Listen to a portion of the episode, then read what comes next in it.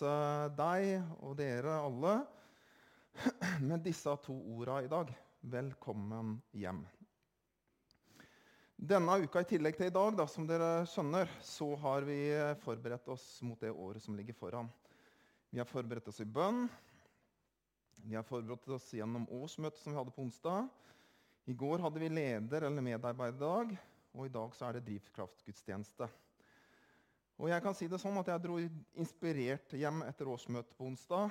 Og jeg dro berørt hjem etter lederdagen i går. Kona skjønte at jeg var inspirert på, på onsdag. Litt fra disse glimta som vi fikk lov til å se og tenke på hva vi fikk lov til å være med i fjor. Og ikke minst en ting som jeg har lyst til å nevne for dere. Da, det var når årsmøtet bevilga penger til Simen Andersen, som drar til Frankrike for med sine talenter og på en kreativ måte dele troen på Jesus. Liksom til stor begeistring fra årsmøtet. Så kjente jeg på en måte at det ikke bare var viktige for han, men eh, at det var et signal om at vi som menighet vi tar, alvor, tar på alvor unge menneskers kall. Og så sa jeg på onsdag noe Birgit her gjentok i stad. Jeg gjentok det også i går at vi er med i livsforvandlingsbransjen. Det er det faktisk vi får lov til å, å være en del av som menighet. For vi har opplevd det sjøl, og vi opplever det til stadighet i vårt eget liv. Og så kan vi få lov til å være med og se det skje i hverandre og i andre. At her i virksomheten vår, gjennom uh, helt lokalt, men også gjennom søsken, som Jan har fortalt og fortalt oss om i dag, som vi får samarbeid med i andre land, så er enden av det så er det liv som blir forvandla, og mennesker som får nytt liv. Og det er fantastisk stort å tenke på.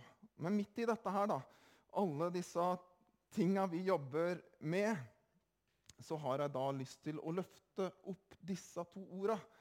Velkommen hjem. Fordi vi er ikke bare kollegaer eller samarbeidspartnere eller medledere eller støttespillere eller medvandrere eller mennesker som ønsker å leve i kall og tjeneste. Vi er en familie. Vi er søsken. Så velkommen hjem. Og Matteus han forteller en følgende fortelling om Jesus. Og Det står sånn i Matteus kapittel 12. Mens han ennå talte til folkemengden, kom moren og søsknene hans de sto utenfor og ville gjerne snakke med ham. Da var det en som sa til ham, altså til Jesus, 'Din mor og dine søsken står utenfor og vil gjerne snakke med deg.' Men Jesus svarte ham, 'Hvem er min mor, og hvem er mine søsken?' Og så rakte han ut hånden mot disiplene sine og sa, 'Se her er min mor og mine søsken.' For den som gjør min himmelske fars vilje, er min bror og søster og mor. Jesus sier og gjør ikke dette for å ta avstand fra sin egen jordiske familie. Det vet vi jo, eller det kan du oppdage og lese når du leser eh, evangeliet videre. Ikke minst når Jesus dør på korset, hvordan han gir Johannes og, og sin mor oppdrag om å, om å være med hverandre. Men for å inkludere oss som like sterk del av hans familie. Og derfor jeg vil si noe om dette å være familie i dag. Du kan ikke velge dine søsken. Sjøl hvor plagsomt det enn måtte være. Det var en gang jeg hørte dette her. Det var en gang en venn og en kollega av meg som sa det. Den gangen så var det utfordrende for meg å høre akkurat det. Jeg syntes det var skummelt, og, skulle, og det var noe jeg ikke kunne ha kontroll på.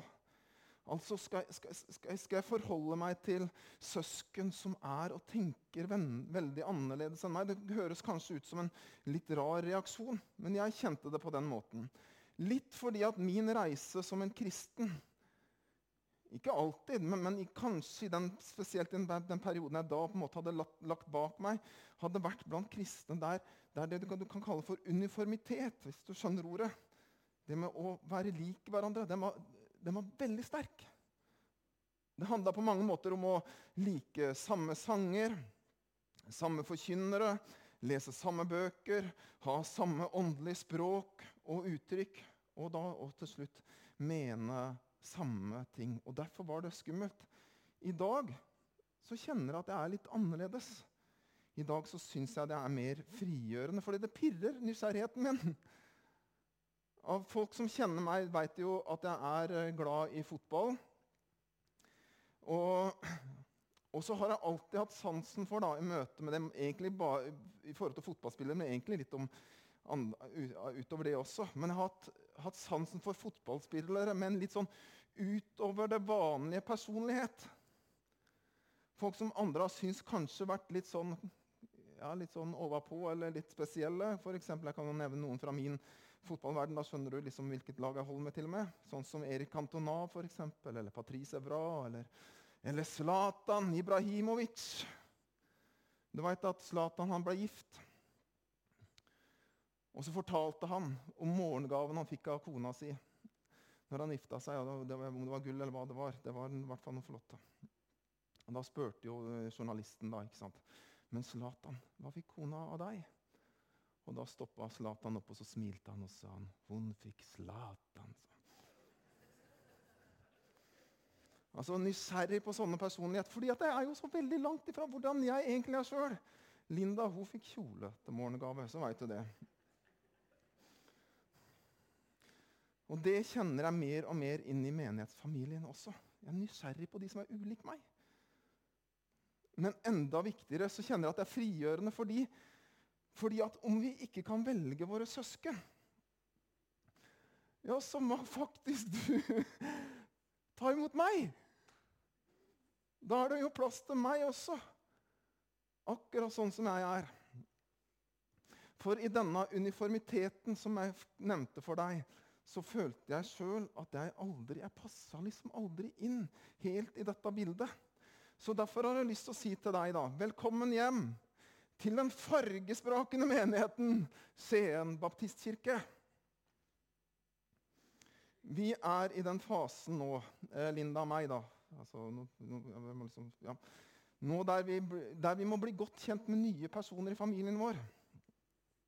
Du kan kalle disse nye for svigerbarn på prøve. For de har ikke blitt det helt ennå.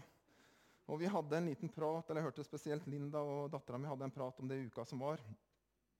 Og det er jo litt skummelt. Fordi at noen skal komme og være med oss, noen vi egentlig ikke kjenner i det hele tatt. Og så skal de være, plutselig skal de være hos oss 24-7 i flere dager. Altså, De kan jo, eller, eller de kommer jo til å, til å oppdage hvordan vi, egentlig, hvordan vi egentlig er. Ikke sant? Og det er det familie gjør. da.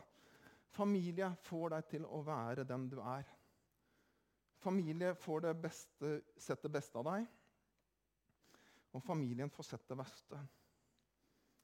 I samtalen med dere, med Jan og med andre som i strategiutvalget, som, som det heter her Når vi var i prosessen om å flytte hit eller ikke, så hadde jeg vært livredd om alt som ble fortalt, det var om det perfekte.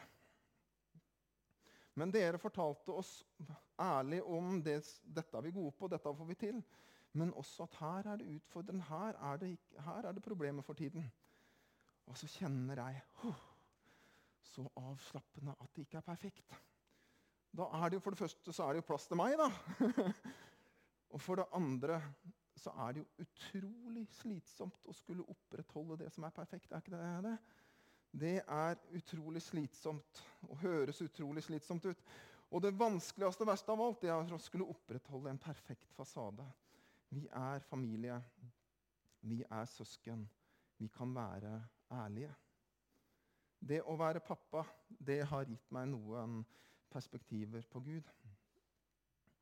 Kjærligheten eh, til barna som bare er der, uansett hva de gjør og finner på. Og akkurat nå så kjenner vi på det igjen. Noen av dere skjønner hva jeg snakker om. Men det tar vi seinere. Fordi personligheten de er også så ulike. Altså, De kan ikke velge sine søsken. Og skulle de ha noe å klage på, ja, så er det faktisk Linda og meg de må klage på. ikke hverandre. Han ligner deg på den måten, kan vi si. ikke sant? Ja, hun har veldig temperament, Linda. Hun ligner på deg. Nei, det, jeg sier aldri sånn. Det hun må ha fra deg, ikke sant? så vakker som hun er. Nå har barna våre i stor grad flytta ut.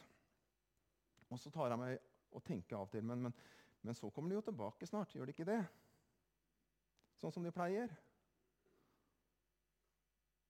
Sånn som det skal være. Men så husker jeg på at det, det gjør de jo ikke, for de er jo store nå. De har flytta ut, og de starter for seg sjøl. Det er rart, fordi at ordet hjemlengsel det har jeg på mange måter visst om lenge. Jeg har det jo sånn at Når jeg drar på en jobb, f.eks. Jeg var på Brumunddal her for et par uker siden og skulle opp på dagen i tog og hjem på kvelden. Bare det liksom er trist nok for Agnar. Og Agnar kjenner på hjemlengsel. Så hjemlengsel er kjent. Men nå, nå kjenner jeg meg igjen i Gud som pappa, som gleder seg til barna som kommer hjem.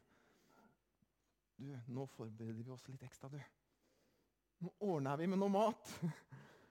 Og så legger vi noen planer om hva vi skal gjøre, for, for barna de kommer hjem. Vi er søsken. Vi er en familie. Og midt iblant oss så er Gud vår far og Jesus vår bror. Og han har ordna det til. Som en pappa og som en mamma som har gjort klart alt å ta imot barnet sitt igjen. Han har rydda opp. Han har gjort det klart. Han har dekka bord. Han har gitt sitt liv. Og så sier han, 'Velkommen hjem'. Skal vi be sammen? Herre, takk at du er vår far. Og takk, Jesus, at vi kan få lov til å kalle deg vår bror. Og takk at når vi ser hverandre, så kan vi få lov til å kalle hverandre søsken. Og takk at det er godt å tilhøre din familie. Amen.